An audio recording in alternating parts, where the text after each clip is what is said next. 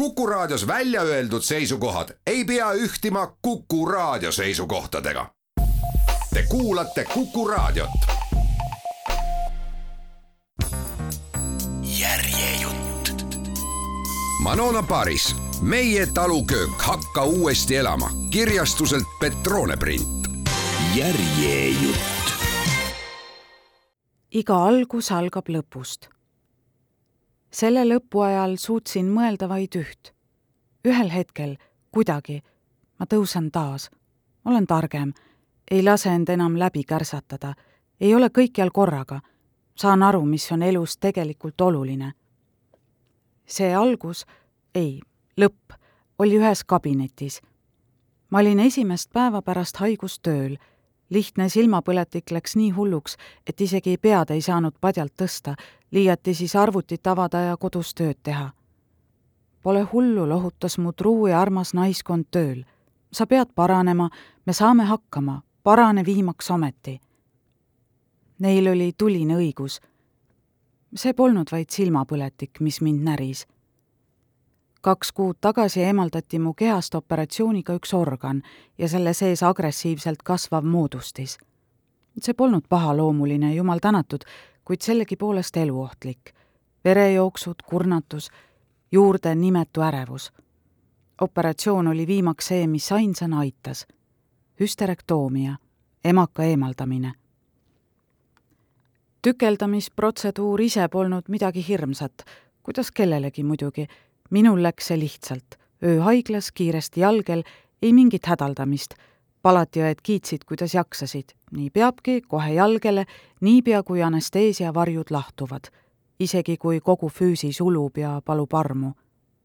vaim, see muidugi ahastas ka. mis naine ma enam olen? kuidas saan edasi funktsioneerida teadmisega, et ma ei kanna enam kunagi vilja? veider kujund muidugi.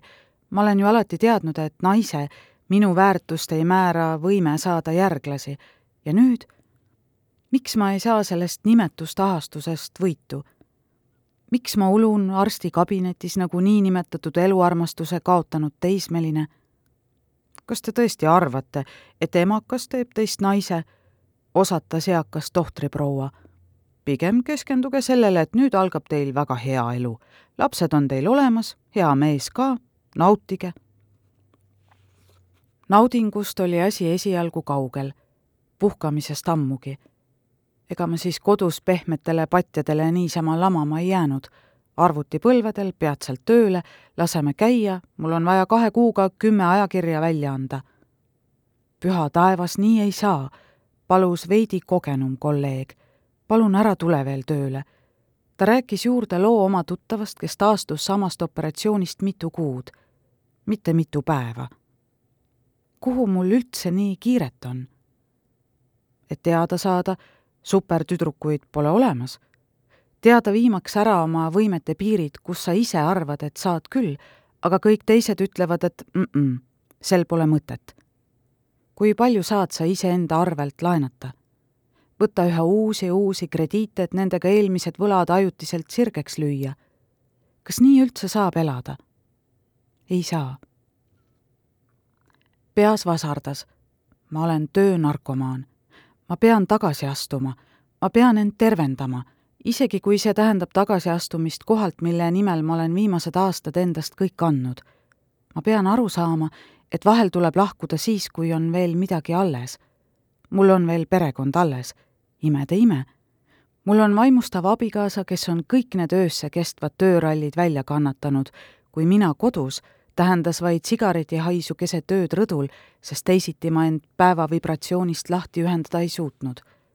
ta võttis isapuhkuse, kui mul oli vaja imiku kõrvalt eriti tähtsasse ametisse söösta, aitas meie vanemat last teraapiate, trennide ja aedadega. täiesti tavaline lapsevanema töö, ei saa salata, ainult et ta on juba ei tea mitmendat aastat võtnud enda kanda ka minu osa kas ma tahan, et mu lapsed mäletaksid emast vaid seda, kuidas ta oli kogu aeg kuskil ära, tema meelest tähtsamas kohas, tööl, töötas nii kaua, kuni tervis üles ütles ja siis, siis teda lihtsalt enam polnud. kas on üks ajakirjandusväljaanne sellist panust väärt? üks palgatöökoht, kui tahes põnev, võimalusterohke, edevust kõdistav. Manona, need inimesed, kelle jaoks sa rabad, lähevad selle eest teenitud kasumiga golfi mängima lausus kunagi naine, keda ma pean oma karjääri heaks haldjast ristiemaks. kallis, kas sa ise ka saad aru, kui palju sa oled muutunud? sinuga pole enam võimalik rääkida, sa võid kähvad vastu ja sul on alati arvuti süles. mitte lapsed, mitte mu abikaasa pea. miks ma seda teen? See kõik oli mu siia kabinetti toonud. sõnade, kuidas me su lahkumise siis vormistame saatel, ujus mu alateadvusest välja üks roheline idu. järgmiste päevade jooksul püsis see idu mul kogu aeg silmade ees, isegi siis, kui olemine aeg-ajalt väga lohutamatuks läks. sest kas ükski narkomaan annab oma kaifi rahulikult käest, isegi kui see on talle pikemas vaates hea ja kasulik? muidugi mitte, siis poleks see ju probleemgi järgnevatel päevadel lubasin ma endal nutta. inimesed nutsid koos minuga ähvardasid lahkuda koos minuga. ma rahunesin, rahustasin ja samal ajal ikka seesama idu surus end mu vaimusilmas vaikselt järjest tugevamaks, kasvatas lehti, nõudis tähelepanu. ka oma lahkumisjutu naistelehes kirjutasin sellest samast idust. kuidas sa ütled hüvasti? kas nii saabki end väljendada? Lõplikke asju ju pole. tuul puhub ikka edasi päike tõuseb taas ning lill, mis sügisel vajus kõdusse, tärkab kevadel uuesti. ja nii ma lasingi sel detsembripäeval suurel paksul puust uksel enda taga kinni vajuda, et loota, kevad on tulemas varsti,. varsti-varsti. see, kes lubab endal langeda, oskab ka tõusta. langused on õppetunnid mingil määral kõiksuse võimalused anda endale uus šanss, teha end tervemaks parandada vigu, saada üle iseendast. tegelikult ongi igaühe suurim vaenlane tema enda sees. me loome iseendale põrgu ja sinna kõige hullema timuka. sa võid olla kui tahes hea ja edukas kellegi teise parameetrite järgi, kui sa ise oma kõrvade vahel seda ei usu, ei piisa ühestki muu maailma kroonist su peas sa ise töötad selle nimel, et see kroon su peast lendaks paradiis ja põrgu on su enda sees. vali, kumba tahad oma rinnal soojendada, õuna või madu? minu uus algus ei lasknud end kaua oodata. ma poleks küll osanud arvata, et see väljakutse on sedalaadi. et toidumaailmast, millega olen terve elu viha-armastuse suhtes olnud, saab mu uus tõus. siiski päris tühjalt kohalt see ei tulnud mõni kuu pärast poolkohustuslikku sundpuhkust sattusin Tallinnas asuvasse legendaarsesse boheemlaste kohtumisurkasse ehk Kuku klubi suitsunurka samasse seltskonda ühe kodumaise nõiasaate favoriidiga. tõeliselt ufoliku olekuga neiu tekitas seltskonnas nii elevust kui ka võõristust. või siis lihtsalt peavalu. minul seekord pea ei valutanud, kuigi sageli on nõndanimetatud sensitiivid seda põhjustanud kunagi aastaid tagasi oli üks teine end sensitiiviks nimetanu mulle väitnud, et olen nii-öelda peegeldaja ega klapi seetõttu nõiamaailmaga. ilus muinasjutt või varjatud maailma kardinatõste, mine võta kinni. pead oskavad valutama panna ka inimesed, kelle nõialikkus pole müstiline, vaid vägagi reaalne. nii et ülemäära tõsiselt pole ma seda võtnud ja paramaailma suhtes olen loomult skeptiline kui on muinasjutt, mis toetab tavapsühholoogilist mantrat usu rohkem endasse, siis las käia, kõik muu on kurjast. selles neius oli aga mingi eriline jõhker ausus ja ehedus. ta silmad olid justkui liiga mustad, liiga avali, ülitundlikud. sellised, mis võiksid kunagi tulevikus olla küborgidel või mõnel tulnukarassil. ta vaatas nendega minust läbi kui meid tutvustati, silmitses ta esmalt läbi tungival pilgul mu alakõhtu. sõnatu küsimus oli nii tugev, et asetasin instinktiivselt käed kõhule ja ütlesin, jah, sul on õigus, aga nüüd on juba parem.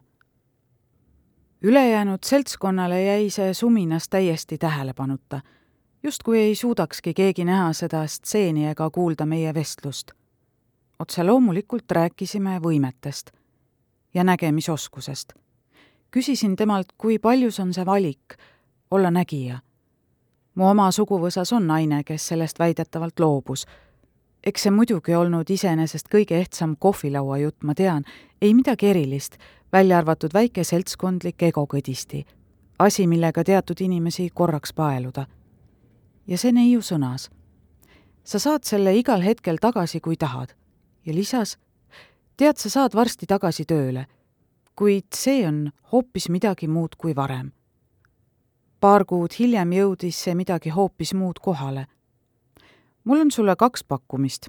üks neist on põnev ja edasiviiv ja sa saad end tõestada, teine on töömahukas, aga ei pruugi kaua kesta.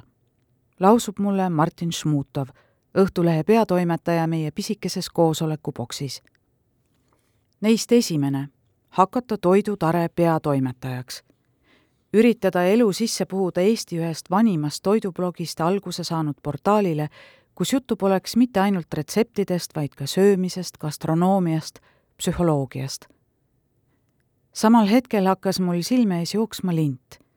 mina toidumaailma vahendamas, tavainimese pilgu ja professionaalse kommunikaatori vaheda sulega, kummalise seguna Nigella Lawsonist ja Lilian Kosenkraniusest maitsmas ja uurimas mis asja?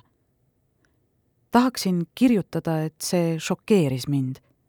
mina, kes ma olen terve oma täiskasvanu ea ühel või teisel viisil toiduga sõda pidanud, selle eest peitunud, otsinud selles erivoolusid, katsetanud oma nahal ära nii anoreksia kui ka ortoreksia, lugenud igas suutäies nii kaloreid kui ka mikrotoitaineid. kas see peaks olema nali? See kõik meenus mulle alles õhtul, kui olin juba rõõmsalt jah öelnud. teise pakkumiseni me ei jõudnudki. saatusel on mulle uus väljakutse, mõtlesin hoopis. võib-olla ongi selleks, et saada lõplikult terveks, vaja teha vanast vaenlasest uus sõber. seda enam, et vastab tõele vanasõna, armastusest vihkamiseni on vaid üks samm ja tagasi ka. koos uue töökohaga hakkas arenema ka midagi muud tundus, et mu taimekene sai küll väetist, aga ta ihkas ka pinnast. samal kevadsuvel, kui asusin uuele töökohale, ilmus mu ellu veel üks tõmbekeskus, talu. väike majake suurte puude all, mattunud metsistunud lilleaeda, oodanud mind seal juba aastast tuhat kaheksasada üheksakümmend viis. maale saabumine see talu on mu mehe Kristeri vanaema suvekodu, milles ta oli veetnud lapsepõlves kõik suved. mina, mul kuidagi puudus side selle majaga, välja arvatud see juba mainitud paaniline hirm kopituslõhna, hallitusseente ja tolmu ees. ma nimelt alati aevastan vanades majades ja hoian allergiarohud käepärast. asi on tegelikult enam kui napakas, sest tegelikult mulle vanad majad väga meeldivad kuid miski osa sellest hõllandusest ei meeldi mu organismile. täiesti vabalt võib see olla mingi kiiks, mis on mul kõrvade vahel kinni. või olen liiga vähe vanades majades olnud? vastupidi, ma olin vanaemade laps, kõik lapsepõlve suved sellistes majades veetnud. võin ju linnapreili välja näha, aga ma oskan heina teha, kaarutada, lehma edasi panna, vikatiga niita ja isegi lüpsta. viimast igaks juhuks enam proovima ei lähe vanaema leplik maasik, kellele mina nime panin, on ammu loojakarjas. vahest sai mu meeletu viha kopituslõhna ja hallitusseente vastu alguse korrast, mil Tartu memm sundis mind koristama üht väga vana ja mädanenud pabereid täis keldrit. samal ajal, kui teised ujusid ja päevitasid. võisin olla umbes üksteist. kuna memm oli naine, kes tavaliselt sai oma tahtmise, siis ma koristasingi turtsusin ja aevastasin ja kohati isegi pisardasin, kuid konku sai tühjaks tassitud. mäletan, et nuuskasin terve päeva musti kolje ninast välja ja lubasin isale ära kaevata, et mind sellisesse kohta kupatati. tegelikult kupatati ju õigesti. konku tuli ära koristada ja memmel oli gangreeni ja nõukaaja pead tundma õigeid inimesi meditsiini tõttu vaid üks jalg. ja tõesti võiksid lapsed vanaemasid aidata olen hiljem mõelnud, et ehk ei vihanud ma selle konku koristamist mitte nende paberite tõttu, mis seal pehkisid, vaid ühe hoopis mustema ajaloolise relikti tõttu. memm muutus seda teemat puudutades alati kummaliselt vaikseks, peaaegu kurvaks, kui see tema puhul üldse võimalik oli. see oli üks väike imeilus mustvalgete kaunistustega kirstukaas. õigemini kirstukaane kate. Torgatuna põiki üle pisikese konku kõigi nende kummaliste lehevirnade peal. seda puudutamata ei saanud midagi välja võtta. kuna memm konkusse ei pääsenud, pidin mina selle sealt ära võtma. kate kuulus kirstu juurde, milles maeti mu tädi, kellele oli paraku antud vaid vähene arv elupäevi. ta suri tuhande üheksasaja neljakümnenda aasta kevadel, vahetult enne seda, kui Nõukogude väed sisse marssisid väidetavalt ei hakanud laps rinda võtma ta tapeti näljaga, sest nad ei sallinud mind, et ma vallas lapse sain. see laps viidi minu juurest ära. lausus memm, ise kuskile kaugusse vaadates. ja rohkem ta sellest ei rääkinud. ega väga ka sellest, miks polnud pisikese maimu kirstukaane kate koos kirstuga maetud mehikoorma kalmistu mulda, vaid lebas keset pisikest keldriboksi, tekitades äärmiselt vilka fantaasiaga minule keskpäevaseid horrorjudinaid prr. Teil hakkaks ka selle peale keldrites vastik, söandan ma arvata. lõhnad kannavad mälestusi, neid, mida teadvus enam ei mäleta. niisiis, väike kopituslõhn põhjustab mul tõrjereaktsiooni, mis kokku tekitab kummalise tõukava tõrjuva suhtumise vanadesse ruumidesse seetõttu olin ma veidi skeptiline Kristeri lugude suhtes, et see maja on talle lubatud. talle jah, mõtlesin aga kas lubab see maja end ka mulle? see Kristeri vanaema maja oli juba aastaid tagasi teada andnud, et tal on meiega omad plaanid. veidral moel oli ta juba siis, kui meid ühendas Eestiga väga vähe, meid justkui endale broneerinud, hoolimata minu turtsumistest. Vana maja ootas oma aega, kuni tuletas end kolm aastat tagasi uuesti meelde. õigemini oli see Krister, kes ütles me peame selle majaga midagi tegema, muidu ühel hetkel saame varemeid imetleda. seda ei tahtnud ma teps mitte. niisiis tegime proovi. me veetsime seal oma esiklapse Tristani sünnipäeva. kui ma ühe öö vastu pean, siis äkki pean rohkem ka. taskud antihistamiini täis ning läksime. See oli nagu ajamasinasse sisenemine. maja ootas meid koos puuriitade ja rehetoaga, mis täis tööriistu aidad ja laut olid küll juba ajahambale alla vandunud, ent saun oli püsti ja kaevurakked kah. välikemmerg hiiglasliku vahtra all, väike aidamajakene suvetoana. kahes tagakambris ja kitsukeses köögis oli kõik muutumatul kujul. umbes nii, nagu Kristeri vanaema kaheksa aastat tagasi lahkus, oligi kõik jäänud. Voodid üles tehtud, kolm patja üksteise peal, üle kõige pisike linikuke. laual maitsekad linad ja vaasid kapid riideid täis iga ilma jaoks, pluss suur ja uhke triibuline hommikumantel üle õue sauna lippamiseks. tule ja hakka uuesti elama. ainult, et te ikka teate, mis juhtub riietega, kui jätta need aastateks vanasse kütmata majja. esimese hoiatuse annab lõhn, paks hallitusest ja kopitusest teiseks selgub väga kiiresti, et linade vahel on terved pesakonnad hiiri ja rotte üles kasvatatud, augud musttuhat junnikest, rõlgelt lõhnavad kollased laigud.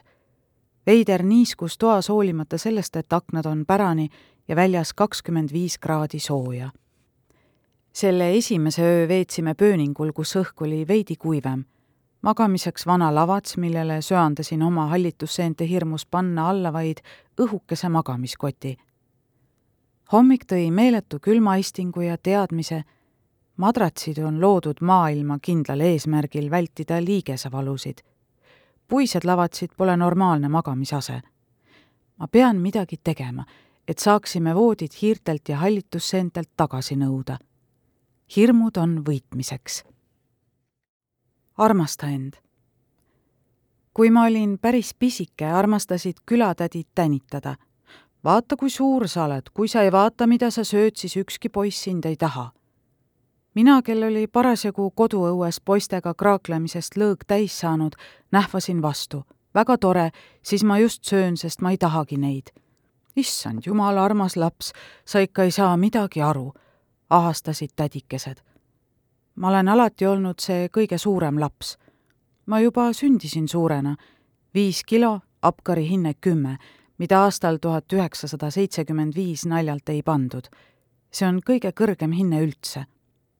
sellest tüdrukust saab sportlane, ta on igatpidi täiuslik, olla arstid mu emale sünnitushaiglas öelnud. täiuslik, just kuidas ma siis mõni aastakümme hiljem sattusin olukorda, kus sain pigem näpuviibutusi. kulla kallis Manona, kui sa natukenegi kaalust alla võtaksid, siis saaksid rohkem tähelepanu ja su enesekindlus kasvaks, ütles paarkümmend aastat tagasi üks mu sõbranna, Piits Peenike. tema elu oli sama kirev kui Muhu seelik ja ta oli suurepärane antinäide oma väitele toona oli parasjagu see aeg, mil ka minu isiklik suhteelu oli nagu eriti halb romantiline komöödia, kus pole midagi romantilist ega naljakat. ma olin nagu suhtes ja ei olnud ka. mu elus oli keegi, kes esitas mulle nõudmisi ja ootusi, kuid ise keeldus neid järgimast. ja siis leidis mu sõbranna, nõndanimetatud minu poolel olev inimene, et võiksin olla saledam, sest siis saaksin rohkem suhtes olla tema ettepanek oli nii absurdne, et ma turtsatasin vihastamise asemel naerma. jah, muidugi, peale muude jamade on mul vaja meeste imetlusest enesekindluse kasvu. nagu mul seda peavalu veel vähe oleks. mul oli palju probleeme, kuid kehakaal neist küll primaarne polnud ja enesekindluse puudumist on mulle üldse vähe ette heidetud. pigem on probleem olnud ikka vastupidine ma saan aru, et need etteheited räägivad rohkem nende esitajast, mitte minust, kuid midagi jääb ikka teatud perioodi jooksul kriipima. see on nagu väike vastik tuuletõmbus, mille puhul sa tead, et üks pisike puhang ei tee midagi, aga pikemat aega selle käes viibides hakkab kõhe. parasjagu käisid nullindad, mil iga enesest lugupidav näitsik näljutas end läbipaistvaks. me kõik olime igavesel dieedil suhkruasendajad kotis kaasas ja kaloritabelid märkmiku vahel.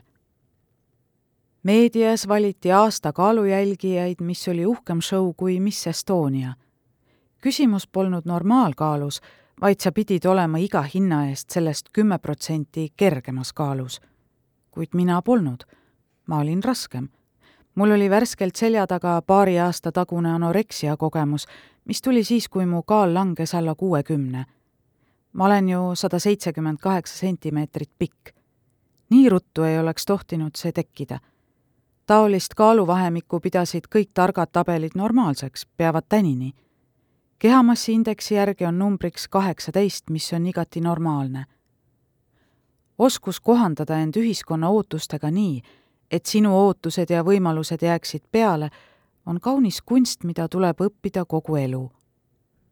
me oleme kõik väga erinevad meid ei saa mõõta ühesuguste valemitega. va õnnetu kehamassiindekski on tänapäeval langenud kurja kriitika alla, sest on lootusetult vananenud. on argumenteeritud, et vöökoha mõõt sobib märksa enam inimese tervislikku seisundit hindama, kuid ka siin on asjad veidi kreenis tervislikuks ümbermõõduks peetakse naistel sama sentimeetrite vahemiku, kehakuju ning pikkuse arvesse võtmist. kehakuju aga võib olla väga erinev näiteks minul on see õunakujuline, ilma erilise vöökohata. mu sõbrannal aga liivakell ehk tema on peenikese pihaga. üldse on sellised mõõdikud lõbusad. leidsin netiavarustest ka sellise, kus tuleks vöö ja puusa ümbermõõt omavahel jagada. kui see suhe on meestel üle ühe ja naistel üle null koma kaheksa, viitab see rasvumisele. tänan. selle järgi on mul kõik korras. kuid mu kehakaal on praegu kolmekohaline ja see tegelikult pole okei okay. ma pole pime, ma pole loll. ma tean, et minu perekonna peamine tapja on südame-veresoonkonna haigused. ma tean, et ma olen oma tõeliselt võimsa ja imposantse isa koopia, igas mõttes nii heas kui ka halvas. ma olen pärinud tema jonni, tahtejõu, silmad, naeratuse ja oskuse inimestega läbi saada ma olen aga pärinud ka tema kehakuju, mis meeste puhul on vau, naiste puhul aga hiljuti ütles üks mu Õhtulehe kolumnist, et ta austab mind. tänasin ilusasti ja tahtsin kõne lõpetada. veider küll, aga no mis siin ikka imestada, tegelikult ju tore. ei, Manona, sa ei saa minust aru, ütles ta. Mäh? ma austan sind, et sa oled nii suur naine, tõeliselt võimas ka kehakujult ja sa ei häbene end, sa ei poe peitu, sa lähed ja särad. tead, kui haruldane see on? mis asja? meie ühiskonnas on naistel niigi väga raske saavutada tähelepanu ja edu. teha seda aga naisel, kes on suurt kasvu ja mitte just kõige kiitsakam, see on seda raskem. nii et minu austus sulle, et sa oled julgenud end läbi murda. pobisesin tänuks midagi sellist, et kõik on suhteline ja me kõik oleme mingil määral suured ja väikesed. Panin telefoni käest ja tundsin hetkeks, kuidas ilm ringi keerleb. on tal õigus kas ma olen tõesti pidanud kuidagi ekstra pingutama? tegelikult ju ei ole. enamik minu võitlusi on peetud minu sees. eks seal need kõige hullemad vaenlased ongi. dieedikultuur on meil sügavuti sees. ma olen töötanud ajakirjas, kus kõigile naistele kehamassi indeksist sõltumata jagati välja dieedid, et katsetame ja kirjutame, kuidas on enamik lugusid tulid kiitvad. mina olin üks väheseid, kes kirjutas ka meeletutest peavaludest ja näljahoogudest. ma olen läbi aastate õppinud end lahti laskma. olen andnud ka endale lubaduse. ma ei oiga enam kunagi avalikult, et olen paks. ma räägin tervisest. ma räägin enda paremaks söömisest, mitte kaalu langetamisest kui kirjutasin sellel teemal oma kolumnisarja Õhtulehes, osutus see ootamatult menukaks kas tõesti on ühiskond veidigi tervemaks saanud? kuni ühel päeval tabasin oma viieaastase kurvalt voodil kerast. mis juhtus, kullapai? emme, ma kardan, et ma olen paks. kaebas väike poisslaps kurval ilmel ja venitas vaikselt oma olematut kõhuvoldikest. Näe, vaata, siin on näha, et mul on kõht ees. mis asja? kuidas on juhtunud, et viiene laps peab end paksuks ja veel selline viiene, kelle seljast kõik püksid alla kukuvad, pingutab öö kohta kui tahes tugevalt. ma võin võtta kõige vängemat mürki, et minu käest pole ta paksu jutte kuulnud. ma olen olnud väga ettevaatlik selle suhtes, kuidas ma end kirjeldan laste kuuldes või üldse väljapoole. Avalik eneseviha pole minu stiil. kust siis? aiast, kuskilt külast, keegi on minust rääkinud? vaevalt ma ei usu, et inimesed tegelikult eriti palju teiste omadusi tähele panevad. meil igaühel kipub tantsukaart iseenda tontidega liiga täidetud olema selleks, et võõraid krabama hakata. muidugi on erandeid, aga vaevalt need on mu viiese kõrvu ulatunud. Ja siis hakkasin kuulama, päriselt. ja sain aru, et see narratiiv, see tüvitekst on igal pool, raadios, telekas multifilmides, kus tegelased mõnitavad pakse, isegi kui keegi pole silmaga nähtavalt jämedam. see on halvem ots paremus skaalas. mina oma paksuks kasvatatud nahaga olin need hääled välja tuuninud. mu lastel seda oskust pole. see oli see moment, mil ma otsustasin, aitab. Ma tõesti tahan seda raamatut kirjutada mitte selleks, et kirjutada kaitsekõnet, kui tore on olla ülekaaluline ja ebatervislik. ma pole rumal vaid et kui hävitav, tervisele kahjulik ja õudne on iseend vihata. lihtsalt sellepärast, et sul on mure kehakaalu pärast. inimene peab end armastama, muidu on ta surnud, ütles üks noormees mulle aastaid tagasi. isegi kui sa oled vilets, sant, vigane, kole, äärmuslikes oludes, sa pead end armastama, muidu ei loe mis tahes mugavused ja rikkused ning sa eladki põrgus üks teine mees üritas mulle selgeks teha, et ma pole alla võtnud sellepärast, et mu keha on lukus. selle on kinni keeranud mu enda alateadvus, kes tegelikult mind vihkab. et selle viha taga on sügav rahulolematus, et ma pole osanud end mingitele ideaalidele vastama saada. Ja seetõttu ei jõua ma oma trennidest ja dieetidest hoolimata sinna ihaldatud tervislikku kaaluvahemikku. ma isegi üritasin temaga kaasa mõelda aga põrkasin igal sammul vastuhäältele. ma ei vihka end, ma pigem armastan end. ma olen iseenda parim liitlane, sageli elus ainus liitlane. pigem käitub mu alateadvus nagu keskkoolipäevil mu ema. Toona oli mul kombeks elada tüüpilise abituriendina koolile ja trennile. kui vahepeal kõht tühjaks läks, röstisin endale ühe leivaviilu või sõin sepikut kohupiimaga. mingil hetkel hakkasin aduma, et mu hommikukohv, mida ema voodisse tõi, on kuidagi magus. küsisin mitu korda, mis kohvisort see on, miks kohv magus on. kas see on siis halb? küsis mu hea ja armas emmeke veidi tõrksalt vastu. ei ole kinnitasin mina. ühel hommikul, kui uni varem ära läks ja ma ise kööki astusin, sain asjasse selgust. muidugi polnud see mingi uhke kohvisort aastal tuhat üheksasada üheksakümmend kolm, vaid ema pani igal hommikul salaja mu kohvi sisse lusikatäie suhkrut. sest sa ju ei söö midagi ja ma olen sinu pärast mures, lausus ta enda kaitseks. jah. nagu ütleb mu treener spordiklubis lõpeta enda piinamine ja hakka korralikult sööma. palju sa täna valke sõid, aga vett jõid hm,? seda ma arvasingi. Ennast tuleb armastada. kõigile neile, kes leiavad, et neid ei saa keegi armastada kehakaalu pärast, lubage toonitada üht. armastus ei passi kaalu peale kui sinu kallim või sümpaatia teeb järjest vihjeid su kaalu, kehavormide või lopsakuse lisa siia sobiv eufemism kohta, siis on see väga hea lakmuspaber.